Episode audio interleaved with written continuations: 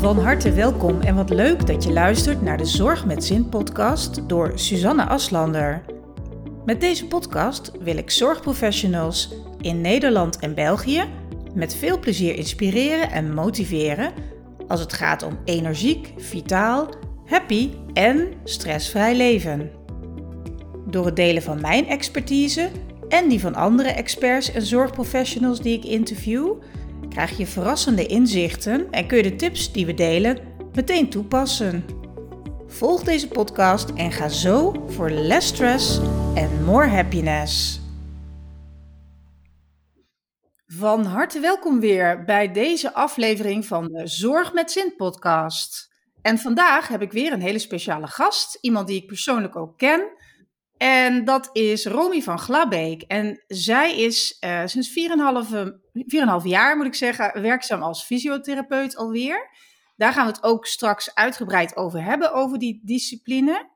En momenteel is ze werkzaam bij fysio- en manuele therapie van Hoof. Van harte welkom, Romy.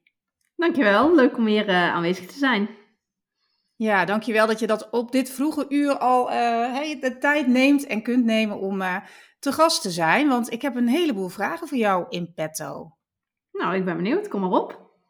Nou, hou je vast. uh, vertel eens, Romy. wie ben je en wat doe je? Nou, ik ben Romy, ik ben 28 jaar en sinds 4,5 jaar ongeveer ben ik werkzaam als fysiotherapeut. Um, ik heb de afgelopen drie jaar gespendeerd aan het uh, specialiseren met mijn masteropleiding voor de manuele therapie. En uh, ja, ik heb het eigenlijk altijd heel erg leuk gevonden om met mensen te werken. En ik had zoiets van, ja, verpleegkunde, echt aan het bed staan, uh, dat past niet zo bij mij.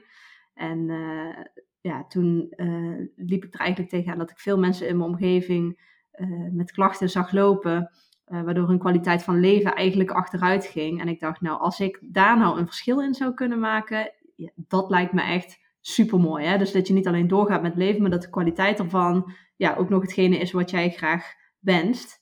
Uh, ja, en ik vind dat je dat in de fysiotherapie bijzonder mooi kan doen. Dus dat is een beetje wat ik doe. Ja, helemaal helder. De passie die sprankelt er echt ook al vanaf, uh, merk ik. ja, mensen zien je niet, maar ik, ik zie het. ja. Um, het thema vitaliteit speelt daarbij natuurlijk ook een belangrijke rol. Um, welke rol speelt vitaliteit eigenlijk in jouw leven? Voor mij is dat uh, best wel breed. Uh, ik denk vanuit mijn eigen persoonlijkheid, maar waarschijnlijk ook vanuit mijn uh, beroepsmatige leven ben ik best wel bezig met voldoende bewegen, um, gezonde voeding, en het vinden van je balans ook uh, qua mentale gezondheid. En we zien natuurlijk dat zeker, in deze maatschappij en zeker jongeren, hè, dus een beetje van mijn leeftijd vanaf een jaar of eh, twintig of misschien zelfs jonger wel, ehm, eigenlijk geconfronteerd worden met een hoop ballen die ze toch in de lucht moeten houden, waardoor ze eigenlijk altijd aanstaan. En ik denk dat het heel belangrijk is, hè, naast hè, bewegen en voeding en goed slapen, dat een stukje ontspanning en echt even afschakelen van je social media, je werk, je appjes, je telefoon, om dat echt even ook weer los te laten. Uh, en dat laatste vind ik dan wel ook meteen het moeilijkste van de drie dingen die ik net noemde. Maar ja, dat zijn voor mij wel dingen die echt heel belangrijk zijn. Ja, je haalt inderdaad uh, de jongeren, de jonge volwassenen aan. Hè? Uh, merk je ook een trend dat zij meer naar de fysio gaan dan bijvoorbeeld, pak een beetje vier jaar geleden? Hmm, dat vind ik moeilijk te zeggen, omdat ik zelf uh, me nog niet helemaal precies bezighoud met het monitoren van data. Hè. Dus dat ik, dat ik echt zou kunnen zeggen van, hé, hey, ik zie echt in het aantal uh, bezoeken of in de patiëntkarakteristieken terug dat dat zo is. Um, wat ik wel gemerkt heb, maar dat is dus meer ook een persoonlijke ervaring, is dat sinds dat de coronacrisis is geweest, dus zo de laatste twee jaar, dat mensen hebben natuurlijk eerst een hele tijd hun zorg uit moeten stellen. Uh, en daardoor misschien langer met klachten gelopen of uh, konden vanwege lockdown niet terecht of durfden niet of wat voor reden dan ook. En dat wanneer ze zich melden dat die klachten uh, gewoon wat intenser of wat, wat erger zijn geworden als het ware. Maar ik heb ook het idee dat klachten wel complexer worden. Um, ja, ik ben natuurlijk, laten we zeggen, een jaar of vier werkzaam nu. En de helft daarvan was natuurlijk de coronaperiode. Dus ja, kun je, kun je daar dan echt een gefundeerde uitspraak over doen? Vind ik wel echt heel lastig. Maar ik heb wel het idee dat klachten steeds breder worden. Dus ook leefstijl en dat soort dingen gaan steeds meer meespelen. En gelukkig, door de corona is dat wel meer ruimte om ook over die geestelijke gezondheid te praten. Wat dus ook superveel invloed op je lichamelijke klachten heeft. En andersom, hè, als je lichamelijk niet goed vooruit kunt, is dat mentaal ook super frustrerend. Ja, dat, dat benoem je inderdaad mooi. Dat stuk, uh, ja, eigenlijk stress, hè, vooral ook chronische stress, door allerlei factoren, waaronder ook zeker hè, social media. En um, dat is denk ik ook door corona alleen maar groter geworden. Ook zeg maar de, ik noem het even, eh, schermpjesverslaving überhaupt. Hè? Ehm, zowel bij volwassenen, denk ik, als bij kinderen. En ja, ik hoor heel vaak dat mensen zeggen dat ze geen tijd hebben, bijvoorbeeld, hè, voor hobby's of om te gaan sporten. En als ik dan uh, tegen mijn uh, klanten zeg van, joh, maar hoe lang zit jij per week eigenlijk op social media te scrollen, bijvoorbeeld, of de nieuwsites te bekijken? Nou, dan wordt er iets geroepen en dan krijgen ze als opdracht om het bij te houden. En dan schrikken ze zo erg. En dan zeg ik, moet je kijken, je hebt tijd genoeg. En dat is denk ik ook een stukje besef waar mensen ja, wat, wat uh, kritischer naar mogen kijken. Hè? Naar dat, ja, echt dat schermpjesgebruik noem ik het. Hetzelfde geldt voor bijvoorbeeld Netflix hè? of een andere streamingdienst kijken. Je hebt niet door hoe lang je daar bijvoorbeeld in een week tijd eigenlijk je tijd aan besteedt. Dat is zeker waar. Uh, tegenwoordig heb je ook van die mooie apps, hè, dat je een timer kan zetten. Bijvoorbeeld, hè, ik mag een kwartiertje per dag op Facebook, of ik mag een half uurtje per dag op LinkedIn, of noem maar op. En dan uh, kan het best wel shocking zijn hoe snel die tijd inderdaad uh, om is. Um, ik heb in een coachingsopleiding, volgens mij was dat in de cursus leefstijlcoaching die ik heb gedaan. Um, je hebt eigenlijk een dagindeling van, er zitten 24 uur in een dag nou, als je daar toch een uurtje of acht wel van slaapt en een uurtje of acht aan het werk bent, dan blijven er toch wel acht uur ook weer over. Hè. Een deel daarvan ben je misschien aan het reizen of hè, aan het eten of even aan het rusten. Dus de helft daarvan zou je best wel kunnen spenderen aan iets wat je zelf echt wel invloed op hebt. En als je dan een uur of twee per dag al daaraan uh, weg laat slippen in het, uh, in het Netflixen of, uh, of zoiets, ja, dan gaat het best wel hard. En het, het lastige aan, aan tijd is dat je het niet meer terugkrijgt. Precies dat. En dat besef, ja, als je daar goed over nadenkt, hè, dan, dan is dat best wel heftig.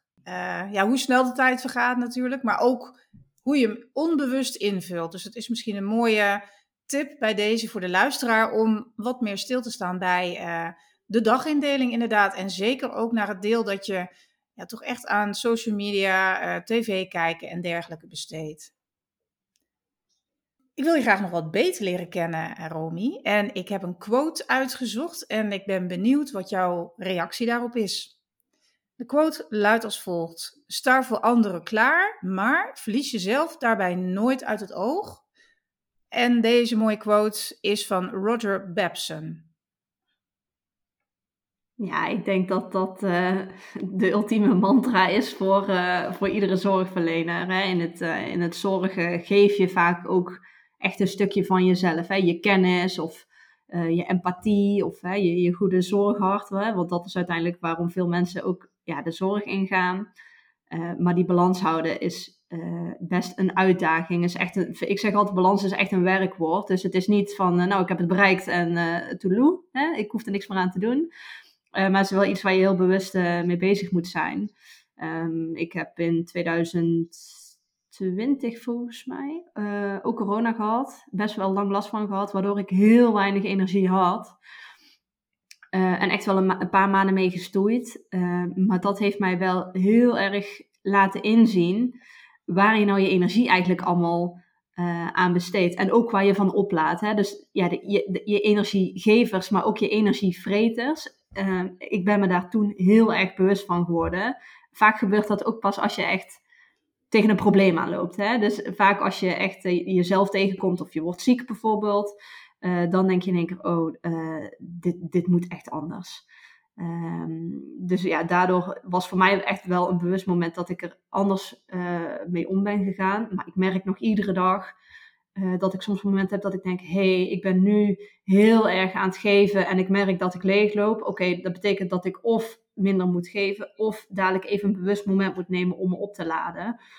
Ehm, en het fijnste vind ik buiten zijn, uh, maar ook echt niets doen. Dus gewoon op de bank zitten en echt niets doen. Geen, geen filmpje, geen telefoon, geen tijdschrift, niks. Gewoon, weet ik veel, door het raam naar buiten kijken. Gewoon echt niks doen. Maar dat vinden heel veel mensen wel heel moeilijk. Ik wou net zeggen, vertel eens hoe jij dat doet. Hoe doe je dat? ja, voor mij, voor mij is dus inderdaad dat ik echt even uh, een kopje thee pak en even dat op ga drinken. Neem daar even 10 minuten voor. En uh, verder ook geen tv of radio aan. Echt die, echt die prikkels even weg. Um, en wat, me, wat mij ook wel heel erg helpt, is heel veel buiten zijn. Dus uh, dat is wel actief ontspannen. Dus je bent dan wel nog steeds bezig. Uh, maar ook, zon, ook zonder muziek. Het liefst zonder telefoon ook. Maar echt even gewoon lekker buiten in de natuur zijn. Het liefst een beetje zonlicht erbij. Dat je ook ja, die vitamine lekker op kan doen dat je echt even uh, die rust en die stilte bewust opzoekt. Dat helpt mij echt super, uh, super goed. Wat een fantastische tips. En zeker ook wat je net noemde hè, van de energiegevers, energievreters. Uh, preventief als tip kunnen we aan de luisteraar meegeven om daar gewoon voor jezelf eens een lijstje van te maken, inderdaad. Pak een vel papier, energievreters aan de ene kant van de kolom, aan de andere kant energiegevers. En noteer wat in je opkomt. En ga daar echt een minuut of vijf of tien echt voor zitten. Denk er echt goed over na. en dat kunnen personen zijn, dat kunnen werkzaamheden zijn, dat kunnen situaties zijn, bijvoorbeeld op het werk. Noteer alles voor jezelf. En alleen al een stuk bewustwording van wat er allemaal is, maakt dat je daar vervolgens ook mee aan de slag kunt. Dan kun je zeggen: hé, hey, dat geeft mij energie, die persoon of die situatie, die hobby als ik daarmee aan de slag ga, dan krijg ik nog meer energie. Dus dat mag ik wat vaker gaan doen. Dus dat is een hele goede tip. Dank je wel daarvoor.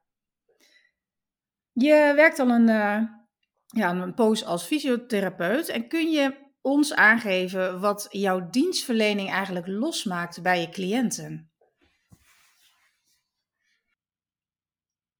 Bij mijn cliënten merk ik vooral dat uh, wanneer zij uh, uh, soms, soms letterlijk vastlopen. Hè? Dus vaak komen ze bij mij echt met, vaak met pijnklachten of uh, mobiliteitsklachten of conditievermindering. Dat ze gewoon niet meer hun leven kunnen leven zoals dat ze dat graag zouden willen.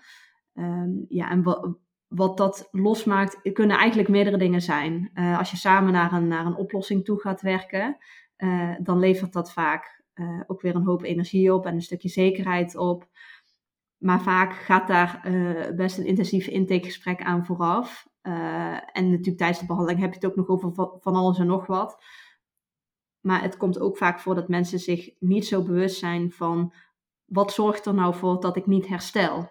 Dat is een gesprek wat ik eigenlijk liever voer dan wat heb ik precies.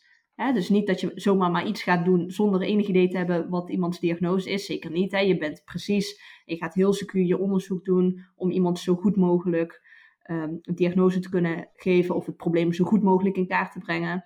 Maar heel eerlijk gezegd, er zijn heel veel dingen over het menselijk lichaam die we gewoon ook nog niet zo goed weten. Uh, we hebben het ook heel vaak over A-specifieke klachten. Dus we kunnen niet altijd precies zeggen, hè, uh, als je een bot gebroken hebt, je maakt een foto, uh, dan kan je dat zien. Uh, maar je, je, ziet niet, je kunt heel veel klachten niet in beeld brengen hè, met een bloedonderzoek of met een foto. Dus moet je het doen met de symptomen die iemand aangeeft. Uh, en die kun je niet altijd meten, maar wel in kaart brengen door met elkaar daarover te praten. En als je dan uh, dieper ingaat op, oké, we weten nu waar je last van hebt. Oké, waarom, waarom herstelt het nou niet? Hè? Dus het heeft vaak met persoonlijke factoren te maken. Hè? Heb, je, heb je druk op je werk? Of heb je pas een verhuizing gehad en moet je nog heel erg ademen? Um, uh, heb je privé stressoren of problemen? Of merk je inderdaad dat je heel veel energie gebruikt en niet goed oplaadt? Hè? Op een gegeven moment dan, als je batterij leeg blijft, uh, dan gaat ook jouw lichaam protesteren. Hè? Dus je kan hoofdpijn krijgen of je voelt je gewoon heel erg moe. Maar bij sommige mensen kan ook een oude blessure zonder hè, bijvoorbeeld uh, mensen die ooit door een enkel zijn gegaan en er is nu niks met die enkel gebeurd. Maar als mensen maar door blijven denderen uh, en niet opladen, dan kan het dus zijn dat die oude blessure in één keer weer naar de voorgrond komt zonder dat daar eigenlijk een aanleiding voor is. En kunnen mensen echt heel veel last van hebben. Ja, dan is het wel pittig om, uh, om daar eens een goed gesprek over te voeren. kan echt enorm confronterend zijn. Maar wel ook heel helpend. als het niet gebeurt, dan ja, komen mensen ook vaak niet verder. Nee, precies. Wat mooi dat dat stuk ook wordt meegenomen. Ik denk dat heel veel mensen zich daar niet van bewust zijn, die nooit bij de visio komen. Klopt dat?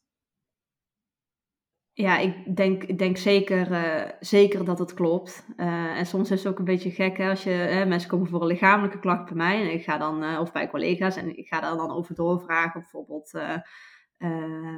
over dagindeling of gezinsleven, dat soort dingen. En dan is het van, ja, ik kom toch voor mijn rug of ik kom toch voor, voor dat. hoe heeft dat dan nou mee te maken? En ja, het is wel heel belangrijk dat je iemand dus meeneemt in waarom, waarom vraag je wat je vraagt. En uh, welke invloed heeft het op jouw klacht en hoe groot is die invloed dan?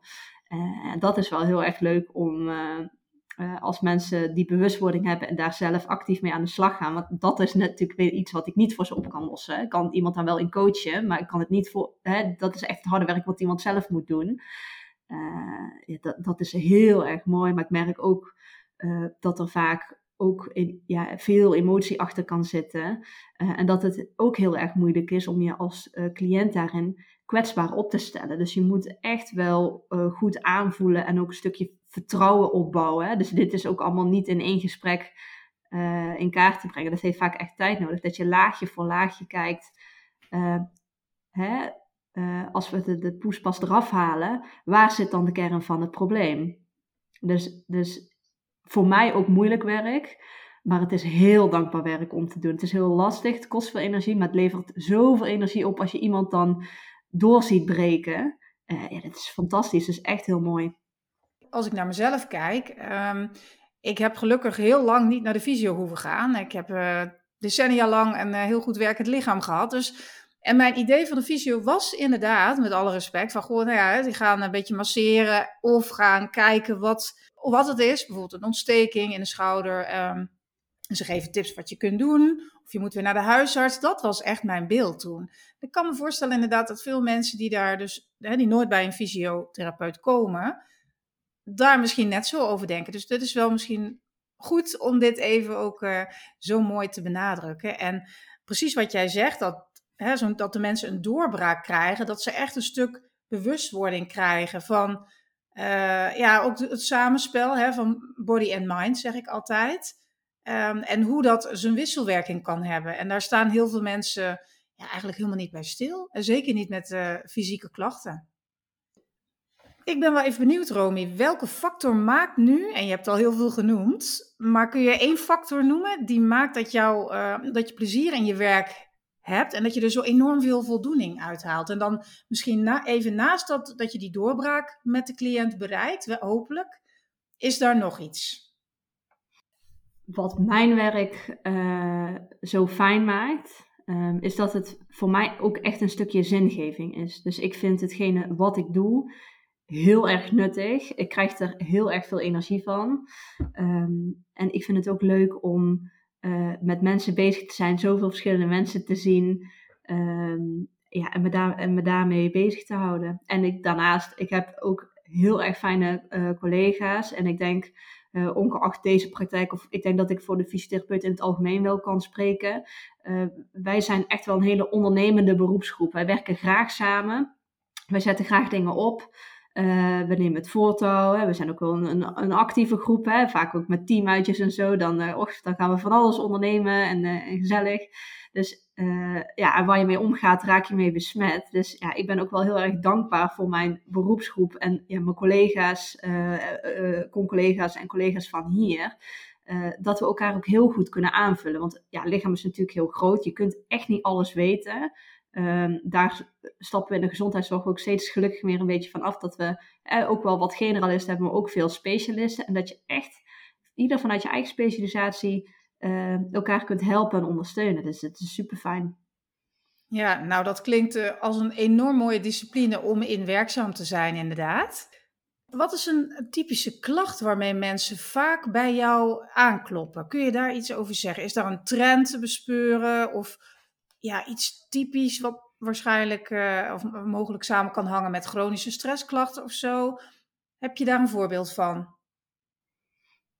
Als manueel therapeut zie ik uh, vooral ook klachten aan de wervelkolom. Heel veel meer ook.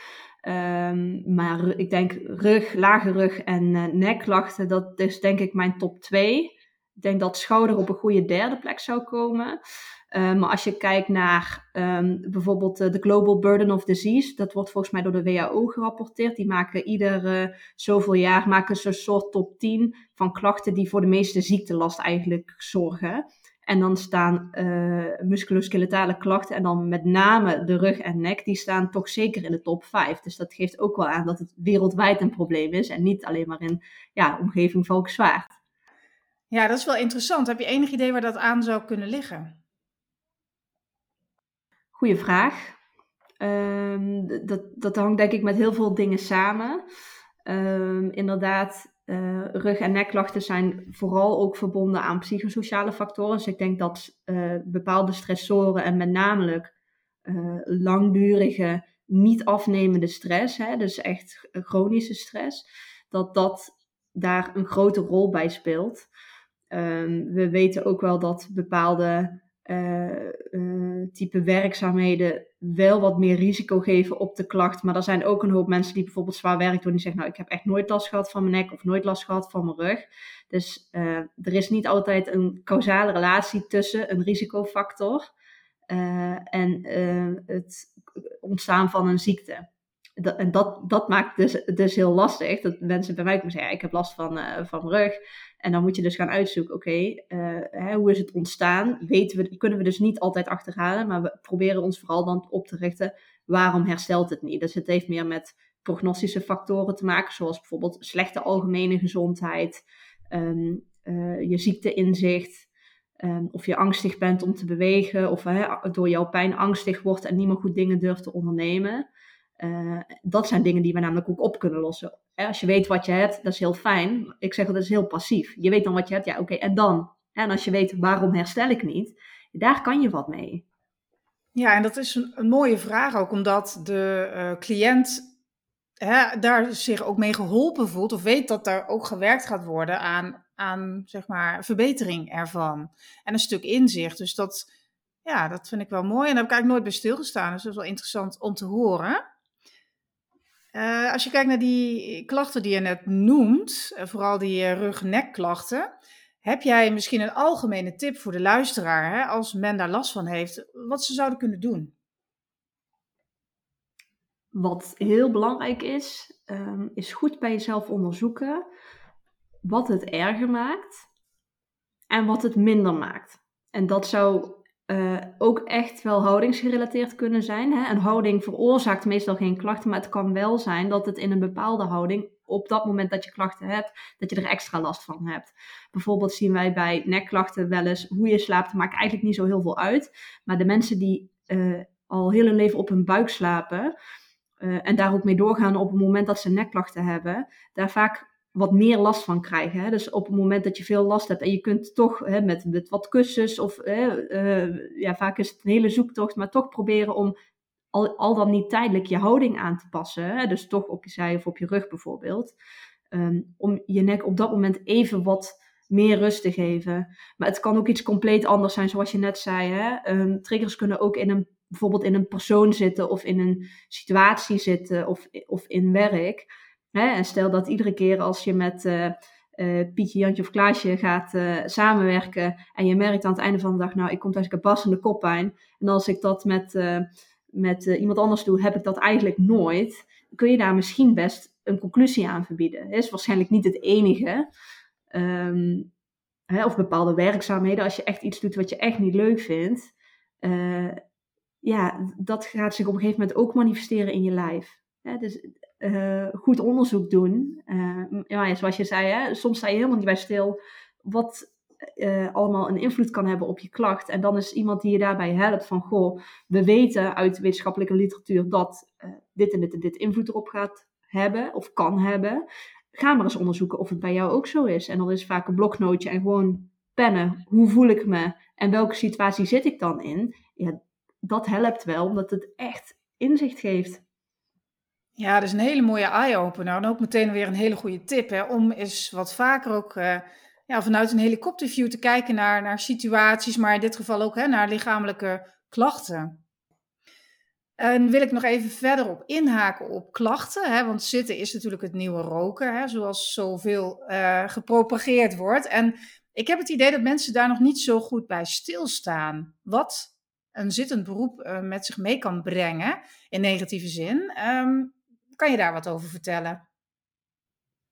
Zeker. Um, ja, ik denk dat een hele goede tip is voor iedereen die er nog niet zoveel van weet en er wel wat meer over wil weten. Um, is eigenlijk alles begint bij het brein. Daar zijn we steeds meer uh, mee bezig, ook met, uh, met, met onze beroepsgroep.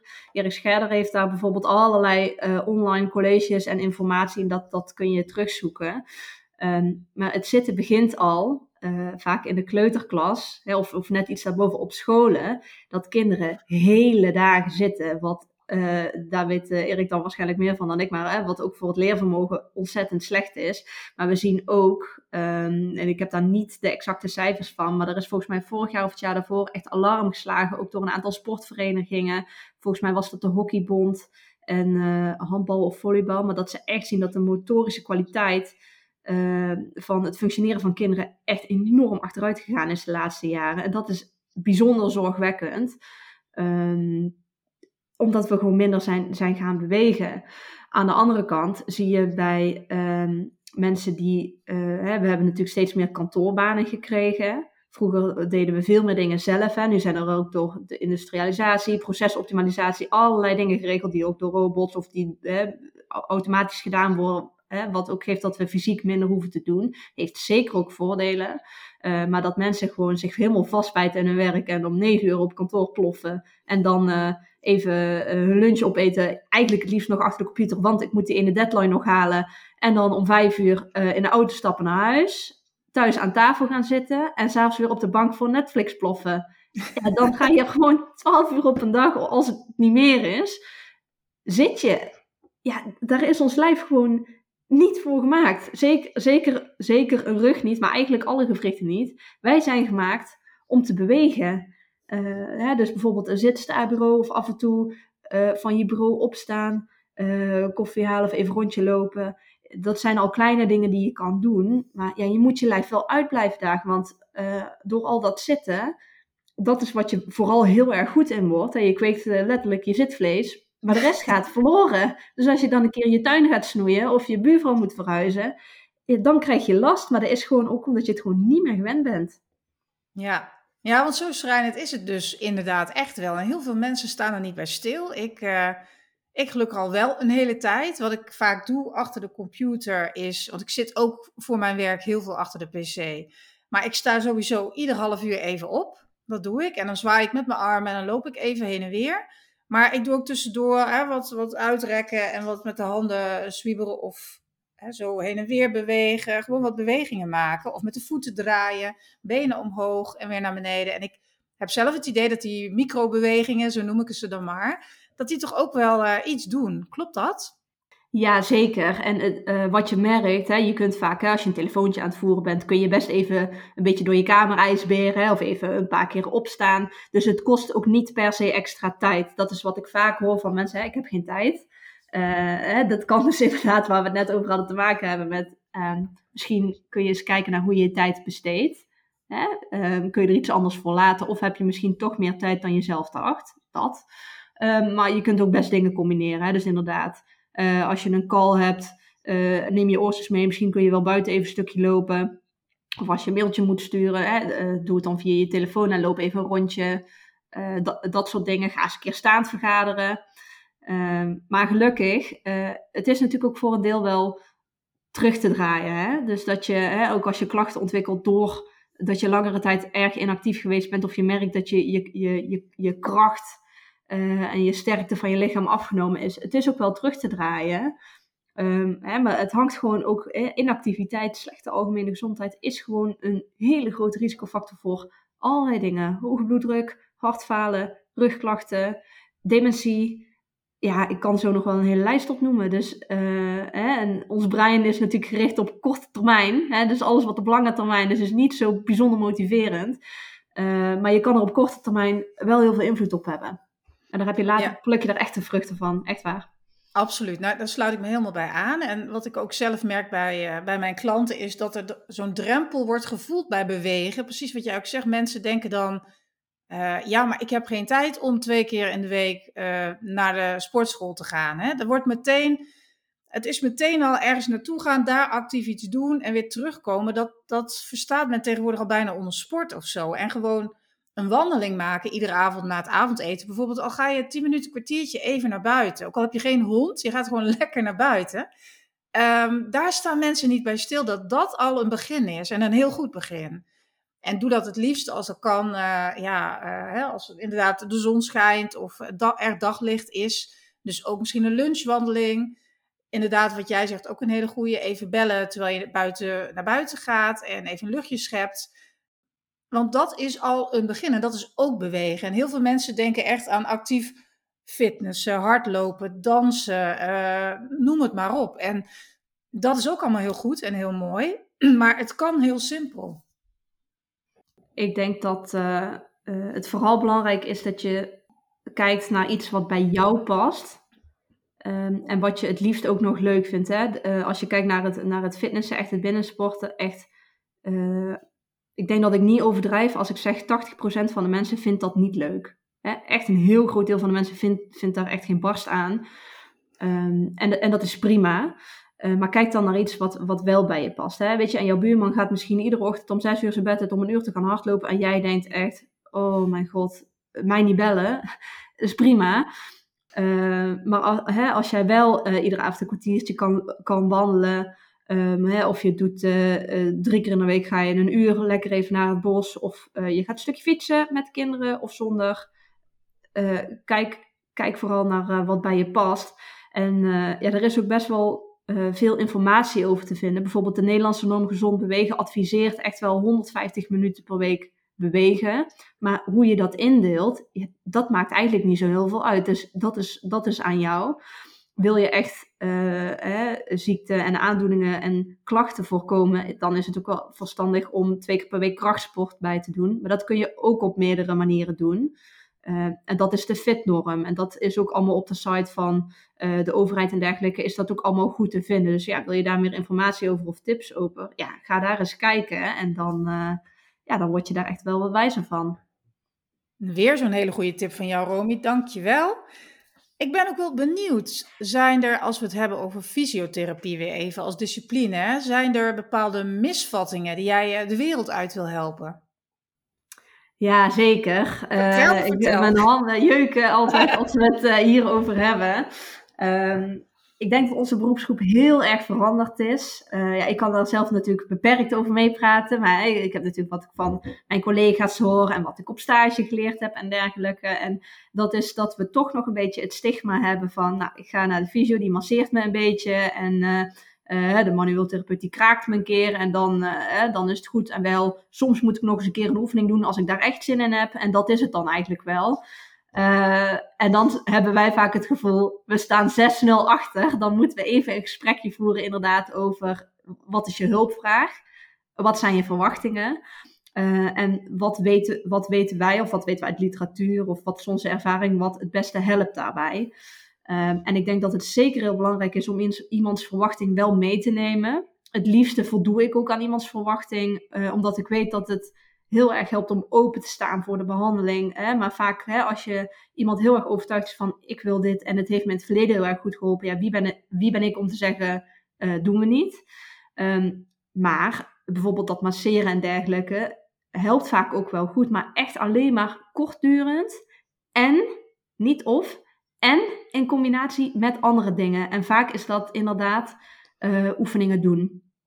En veel mensen vinden het niet leuk, maar dan is het echt de afweging maken: wat is mij meer waard? Is het mij meer waard dat ik uh, straks minder klachten heb als ik uh, één of twee keer per dag 10, 15 minuten of drie keer in de week een uurtje oefeningen moet doen? Of is het mij meer waard uh, om niet die oefeningen te doen? Hè? Is, is die drempel voor mij zo hoog, ik doe het niet? Maar kan ik dan voor mezelf accepteren dat mijn situatie blijft zoals die is? Hè? Je, ja. kunt, je, kunt, niet, je kunt niet allebei. Hè? En het is jouw lijf, jij bent baas.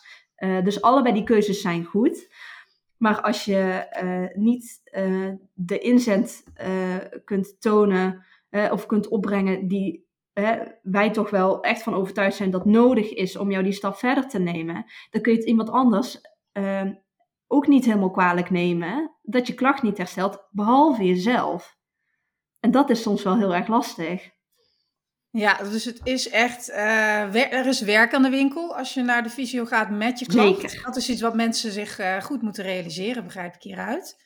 Absoluut. Dat is zeker een heel belangrijk iets en een hele belangrijke misvatting. En wat ik al zei, ook ik wist dat niet. En toen ik voor het eerst bij de fysio kwam, toen had ik ook zoiets inderdaad van, oh, hè, moet, moet ik zelf nog iets gaan doen? Dat. En dat bedoel je waarschijnlijk ook. Dus het is mooi uh, dat de luisteraar die uh, nog geen ervaring heeft met fysiotherapie, uh, in ieder geval daarvan op de hoogte is. En ik denk ook dat als mensen meer weten over het vakgebied, hè, dat, dat ze er ook anders tegenaan kijken, maar misschien er ook nog veel eerder een beroep op gaan doen. Zelfs met kleinere, hè, mildere klachten. En dat is natuurlijk ook weer een voordeel voor jullie, want die kun je makkelijker behandelen en, en uh, ja, wellicht uh, helemaal uh, weer wegkrijgen. Ja, ik denk dat er nu een bepaalde zoektocht is naar, we willen de zorgkosten niet, niet te hoog houden en ook we willen zeker niet gaan behandelen wanneer het niet nodig is. Dus een beetje het, het, het, pappen en nat houden, dat, dat hoofdstuk is, e-, is echt afgesloten. Vroeger werden mensen met een hernia ook tot in de treuren gemasseerd misschien. Toen, wist, toen wisten we misschien ook nog niet beter vanuit de literatuur. Uh, maar dat is, dat is echt niet meer wat, wat er gebeurt. Hè. En voor veel mensen is het ook niet meer totale verbazing dat ze zelf wat moeten doen als ze bij ons komen. Dat stadium is gelukkig ook voorbij. Um, maar ik denk dat de nadruk nog wel ligt op, hè, je bent fysio therapeut. En als therapeut los jij iemands anders problemen op. Of ja, dat is wat het, wat het voor mij een beetje geeft. Uh, maar wij krijgen eigenlijk steeds meer de rol van coach. En ik denk of hoop dat we ook steeds meer uh, de preventieve kant inderdaad opgaan. Hè? Dus dat we bij de voordeur gaan investeren. Uh, en mensen gewoon een goed advies kunnen geven. Hè? En met een paar uh, coachgesprek of met een paar behandelingen of begeleidtrainen of uh, iemand echt even op weg helpen, dat je iemand zelf die handvaten kunt geven. Het liefste voordat er wat aan de hand is. En het zou echt heel erg mooi zijn als daar ook meer budget bij de zorgverzekeraar bijvoorbeeld voor vrijgemaakt zou worden. maar dat betekent ook wel dat de organisatie van onze zorg anders moet. En dat is natuurlijk meer dan alleen maar een lokale droom. Hè. Dat is echt wel regionaal, landelijk een uitdaging prachtige visie inderdaad. Waar ik volledig achter sta om in te zetten op die preventie. Want daar is inderdaad zoveel te behalen. En eigenlijk voor iedereen, hè? Eigenlijk voor iedereen. En daar staat men in de politiek bijvoorbeeld ook waarschijnlijk onvoldoende stil bij, is mijn idee. Um, terwijl daar echt gouden kansen liggen. Dus ik, ik sluit me daar helemaal bij aan. Nou, Romy, ik wil het graag nog even met jou hebben over vitaliteit en gezond leven in het algemeen. En als jij kijkt naar dit onderwerp, waar wordt volgens jou momenteel te weinig ja, aandacht aan besteed in de huidige maatschappij? Ja, ik denk dat we dat net min of meer al aangestipt hebben. Dus um, een stukje preventie. dus echt educatie, uh, maar ook begeleiding in uh, bewegen of gezonde voeding. Een stukje ontspanning, slaapkwaliteit. Uh, ook betere voorlichting over de schadelijke effecten van bijvoorbeeld roken of echt veel drinken. Ik denk dat dat echt enorm belangrijk is om mee bezig te zijn. en dat geldt wel voor alle leeftijden. Ja, dan noem je inderdaad belangrijke dingen. ik zou er zelf ook wel graag nog voeding aan toe willen voegen in de zin van hè, processed foods, noem ik ze dan maar. alles met een kleursmaak of ja, kleurstofje, smaakstofje erin en diverse E-nummers. Die natuurlijk ook op allerlei manieren je lichaam, maar ook ja, ja, body en mind echt beïnvloeden op allerlei manieren. En ja, dat vind ik ook zelf een hele interessante tak van sport. En daar valt ook ontzettend veel te winnen. Dus ik zeg ook altijd: uh, eet datgene wat uh, vliegt, uh, rondrent, huppelt op het gras, zwemt in het water en groeit in de grond. En die producten zo natuurlijk mogelijk consumeren, dan, dan zit je al heel, heel goed. Hè? En uh, nou ja, een zak chips of een, uh, een, roze koek. Nou, jij wil niet weten wat erin zit bij wijze van. En ik wil hiermee niet stigmatiseren of zo, maar het is zo dat heel veel mensen gewoon geen idee hebben van wat ze eigenlijk eten. En dat vind ik ook iets hè, wat, wat meer aandacht mag hebben. En wat daar ook wel belangrijk bij is, is echt die balans. Hè? Dus inderdaad, van één rooikoek uh, is denk ik nog nooit iemand dood gegaan. Uh, maar hè, als jouw voedingspatroon inderdaad enorm bewerkt is, weinig groente en, en fruit bevat, weinig producten die dicht bij de, bij de natuur staan, ja, dan mis je gewoon essentiële vitamines en bouwstenen voor jouw lichaam.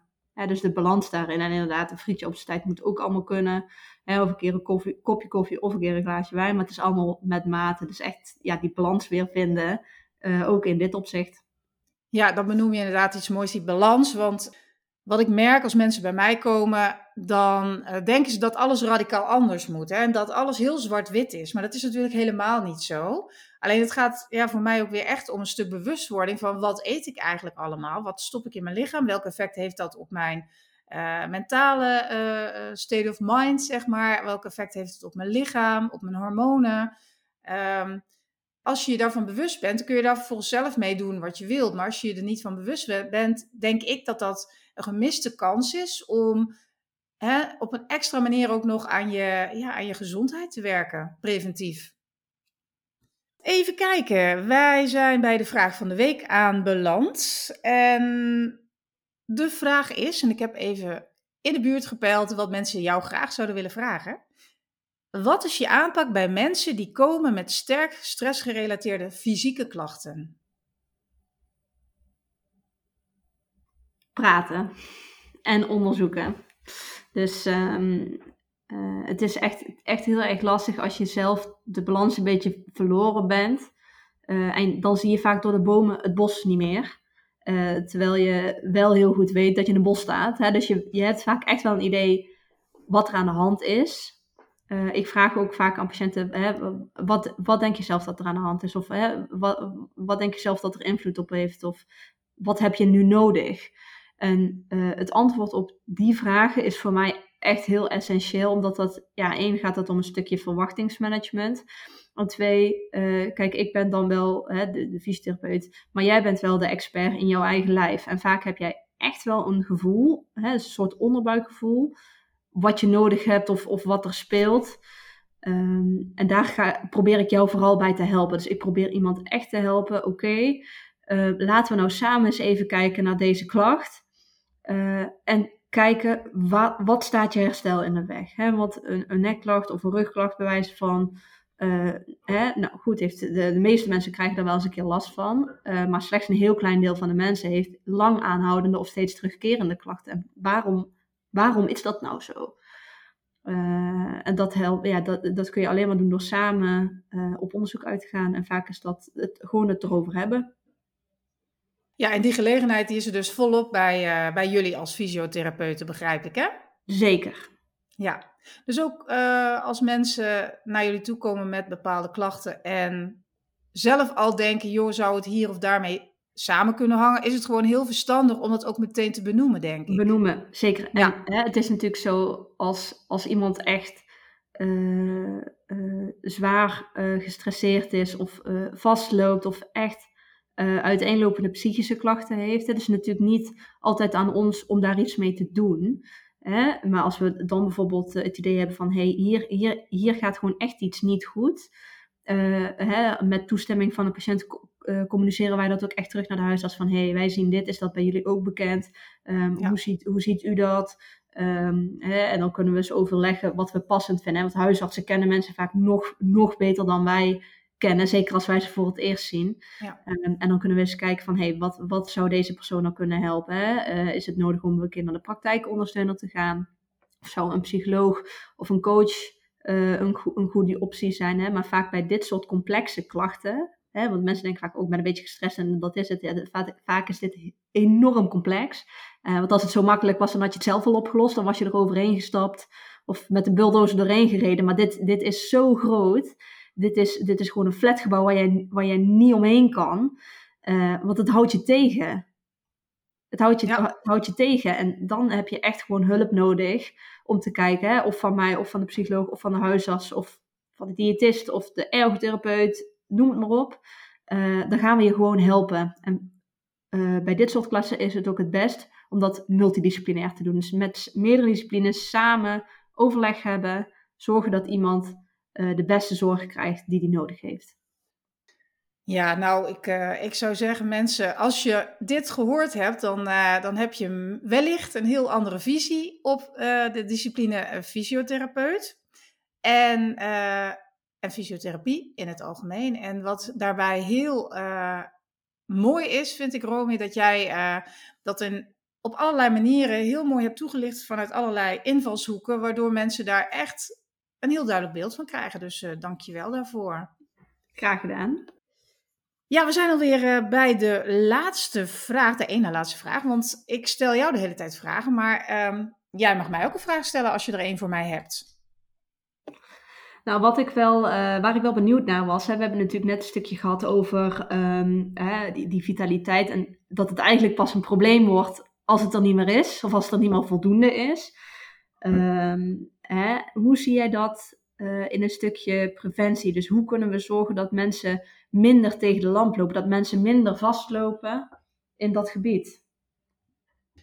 Ja, dat is een hele goede vraag, vind ik ook. Iets waar ik ook heel veel mee bezig ben, moet ik zeggen. En dan, dan zoek ik het echt al uh, bij de jongeren, bij de schoolgaande kinderen wellicht al, basisschoolleeftijd. Um, wat mij betreft mocht vitaliteit echt gewoon een vak zijn op de basisschool. En waarom? Omdat ik denk, en zeker weet zelfs, dat het heel belangrijk is om gewoon zelf, uh, wat ik ook al zeg, vanuit een stukje helikopterview naar bepaalde aspecten in je leven te kunnen kijken. Waaronder je gezondheid, waaronder je hè, stressniveau, waaronder je sociale contacten. Al die dingen die samen belangrijk zijn. Hè? Ook voeding bijvoorbeeld, uh, beweging. Allemaal factoren die van belang zijn om daarvan te weten welk effect het heeft op jou als persoon. Hè? En ook op je lichaam. En het zou heel mooi zijn uh, ja, als wij, eh, of de kinderen, zeg maar, daar op jonge leeftijd al een idee bij kregen. En het hoeft niet uh, een vorm van indoctrinatie te zijn met een bepaalde richting, bijvoorbeeld qua voeding of hè, qua beweging, maar gewoon een wat algemene kennis. En het zou bijvoorbeeld op een bepaalde manier bij lichamelijke oefening kunnen daar bijvoorbeeld kunnen worden ondergebracht. Maar nog veel mooier zou het zijn ja, als het gewoon echt een vak zou zijn. Dus zo zie ik het. En daarnaast is stress ook zeker een thema waar uh, zelfs op de basisschool ja, kinderen al mee ehm, aan mogen proeven, laat ik het zo zeggen. Hè? Want het moet niet negatief gebracht worden, maar ze moeten weten wat het is, hoe het kan voelen. Ook in een stukje sociale contacten, hoe stress ontstaat. Um, maar dan uiteraard uh, uitgelegd in kindertaal. En ik denk dat je daarmee uh, heel veel kunt bereiken in een stuk um, persoonlijke ontwikkeling ten aanzien van vitaliteit, ten aanzien van je, van je lichaam en van je geest ja, daar is eigenlijk helemaal geen aandacht voor op dit moment. Dus nou ja, daar zou voor mij uh, echt een hele mooie, een hele mooie taak weggelegd zijn, denk ik misschien ook uh, vanuit de politiek, om daar iets mee te doen. Omdat het vervolgens ook zo'n preventieve werking kan hebben. En dat gaat weer, uh, als je dan vanuit de politiek bijvoorbeeld hè, kijkt, vooral naar, naar budgetten, geld, et cetera, dat gaat heel veel geld besparen. Zo zie ik het. ja, ik denk, ik denk zeker dat het een enorme toegevoegde waarde zou zijn. Hè? Je hebt natuurlijk wel inderdaad uh, lichamelijke opvoeding of de gym, een stukje maatschappij leren. En vaak ook wel een stukje persoonlijke ontwikkeling, wat je vaak met je mentor doet bijvoorbeeld. Um, en eigenlijk, eigenlijk heeft zo'n zo'n vitaliteit of bewustzijn van je, je innerlijke zelf met, met heel veel vakken eigenlijk wel raak uh, raakvakken of overeenkomsten. Ja, precies. Dus dat zou heel mooi zijn. Maar wie weet gaan we dat ooit nog meemaken, zoiets. Dus dat, ik, hoop, ik hoop het. Ik hoop het ook, ja. En ja, ik zou er graag een trekker van zijn. Maar weet je, ik doe al zoveel andere mooie dingen. En die taak laat ik aan anderen over die daar op een gegeven moment mee aan de slag willen. Dus dat vind ik, dat zou ik enorm toejuichen. Dus ik ben benieuwd. Nou, we zijn alweer aan het einde gekomen van dit gesprek, Romy, ik heb nog één vraag aan je. En ik ben heel benieuwd hoe je die invult, want je hebt het al heel uitgebreid verteld, maar even in één zin, samenvattend. Op welke manier maak jij verschil in jouw type dienstverlening? Ik denk dat ik uh, vooral een luisterend oor bied en zonder oordeel probeer uh, te kijken naar hoe ik jou het beste kan helpen. Met welke klacht dan ook. Ja, heel mooi kort, uh, kort samengevat. En um, ja, ik weet niet, heb je nog een vraag aan mij?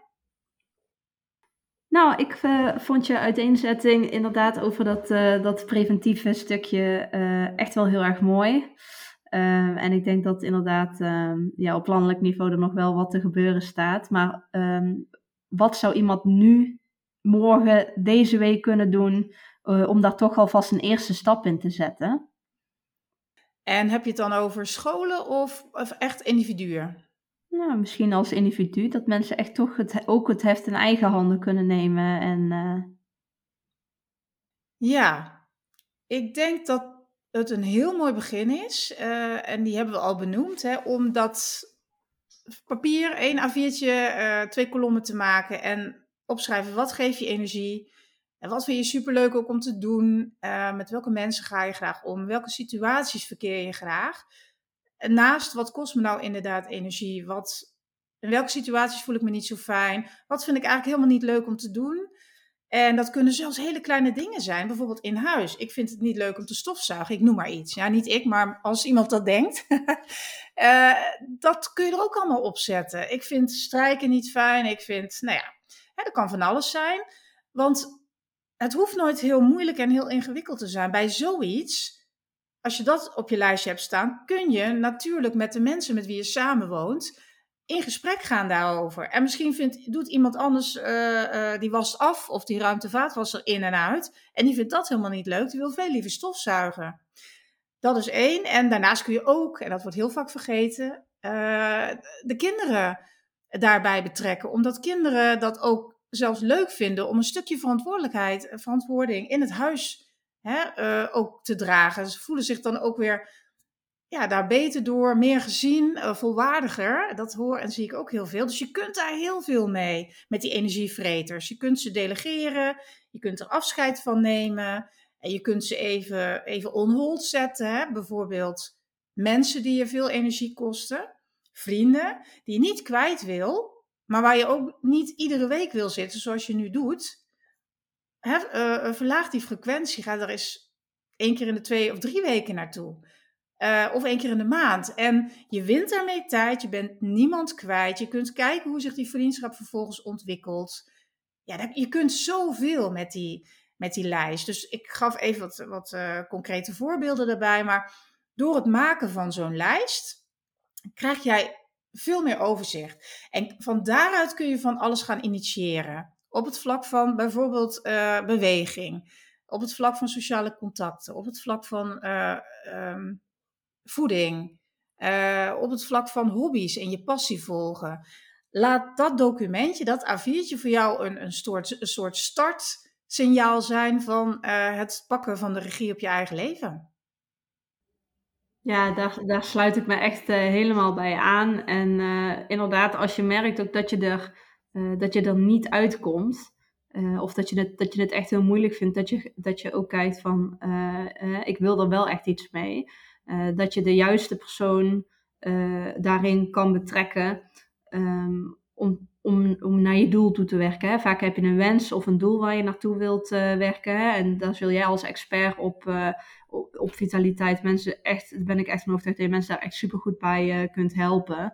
Um, en wat wij vaak ook aanbieden bij ons op de praktijk bijvoorbeeld is um, als mensen met bepaalde klachten bij ons zijn geweest en ze hebben toch nog een ander doel hè, om, om fitter te worden of sterker te worden of om af te vallen. Dat soort dingen, is dat we echt de opties samen afwegen. Hè? Dus uh, wij, wij doen uh, vooral een stukje revalidatie en herstel, maar we hebben ook bijvoorbeeld echt professionele sportbegeleiding. Hè? Bijvoorbeeld van de mensen die sportkunde gestudeerd hebben. en ook nog meer ook opgeleid zijn in het stukje coaching dat we mensen gewoon voor een gratis en, en vrijblijvend gesprek uitnodigen bij die fitcoaches. Die dus samen met jou gaan kijken van, hey, uh, welke wens heb je? En uh, heb je erover nagedacht hoe je dat wil bereiken? Um, en kunnen we jou een programma aanbieden uh, wat daarbij past. Hè? En door het gratis en vrijblijvend aan te bieden. Hè? Dat is niet uit een verkoopwens of uit een aansmeertechniek, maar dat is echt omdat we denken. Je, je, komt anders misschien tekort. Of hè, we zouden jouw herstel tekort doen. Of hè, jou als mens. om je daar niet op te, op te attenderen. Um, en vanuit dat gesprek kunnen mensen dus meer inzicht krijgen in hetgene uh, waar ze tegenaan lopen. Bij ons is dat vaker uh, uh, fysiek, hè, in dit voorbeeld. maar kunnen ze daardoor wel samen onderzoeken, wat past nou bij mij? Hè? Dus als je zegt van nou, ik merk dat ik meer moet gaan bewegen en ik heb het gevoel dat ik het roer om moet gooien, maar ik weet niet zo goed hoe. Of hè, um, hè, kan ik ook al beginnen met alleen maar wandelen? Ja, dan is zo'n gesprek uh, kan heel erg fijn zijn. En dat is dus uh, geheel gratis en, uh, en vrijblijvend. En bijvoorbeeld bij mensen die aanhoudende stressklachten hebben en daarbij ook lichamelijke klachten ondervinden of andersom. Hè? Dus mensen die al zo lang lichamelijke klachten hebben, dat ze daardoor ook mentaal hun uitdagingen hebben, um, bieden wij ook tegen een supermooi tarief kennismakingsgesprek aan met de psycholoog. Een kennismakingsgesprek is vaak ook gratis, maar hè, een intakegesprek uh, is vaak tegen een echt voordelig gereduceerd tarief. Hè, omdat er toch vaak ook een drempel is voor mensen om ja, dat stapje vanuit de fysiotherapie bijvoorbeeld naar een andere discipline te maken. Um, en op die manier proberen wij ook uh, niet alles zelf te willen doen als fysiotherapeut, maar ook de samenwerking met andere disciplines aan te gaan. En mensen daar ook zelf zonder sturing daar kennis in te laten maken. Uh, dat doen we nu ongeveer een jaar of twee, denk ik. Uh, en je ziet daar echt wel hele mooie resultaten uit. Dat mensen dus veel meer uh, die zelfstandigheid gaan nemen. En uiteindelijk wil je dat ook. Je wilt zelf de kracht hebben en de handvaten hebben om jou, naar jouw doel toe te werken. Het is niet jouw probleem op te lossen, maar je hebt een doel en daar wil je naartoe. Ja, en als je dat zelf kan, ja, dat is, dat is fantastisch. En als je daar hulp bij nodig hebt, ja, klop aan bij, bij de vitaliteitscoach of bij ons of bij Maakt niet uit, maar als je hulp nodig hebt, klop aan. Doe het echt, want het brengt je zoveel. Ja, Romy, dankjewel. Een heel mooi slotwoord zo. En ja, echt fantastisch dat jullie fysiotherapiepraktijk het op deze manier invliegt. Want ik denk, zeg maar, zo'n holistische aanpak, ja, dat, dat is goud waard. En uh, jullie maken de drempel uh, lager door een vrijblijvend adviesgesprek. En dat vind ik fantastisch. En ik zou ook iedereen aanraden die naar jullie toe gaat, of naar welke fysiopraktijk uh, dan ook, om deze optie te bespreken. Want er zullen vast meer praktijken zijn die dit op deze manier aanbieden. En ja, dat is, dat is echt goud waard. Want zo maken mensen echt stappen. En ze behouden ook de regie. Zij kunnen beslissen wil ik uh, daarmee verder? Wil ik me daar verder in verdiepen? Wil ik op die manier hè, mijn vitaliteit verbeteren ook? En dan kunnen mensen dat doen en dan zijn ze in goede handen. Dus echt heel mooi. Nou, Romy, het uur is om. Nog één minuut. Uh, ik wil je heel snel gegaan. Ja, ik vond het ontzettend interessant. Je hebt heel veel uh, goede tips gedeeld, um, hele mooie inzichten gegeven. Nogmaals, zeker voor mensen die nooit of nog bijna nooit uh, bij een fysiotherapeut zijn geweest. Je geeft daar een hele mooie, heel mooi inzicht in en een uh, ja, leuke kijk in de keuken, zeg maar. En daarvoor wil ik jou uh, van harte bedanken. Jij ook bedankt voor het leuke gesprek. En ja, ik hoop dat we zo samen de wereld een beetje vitaler kunnen maken. Dat weet ik zeker. hey, dankjewel en heel veel succes met alles.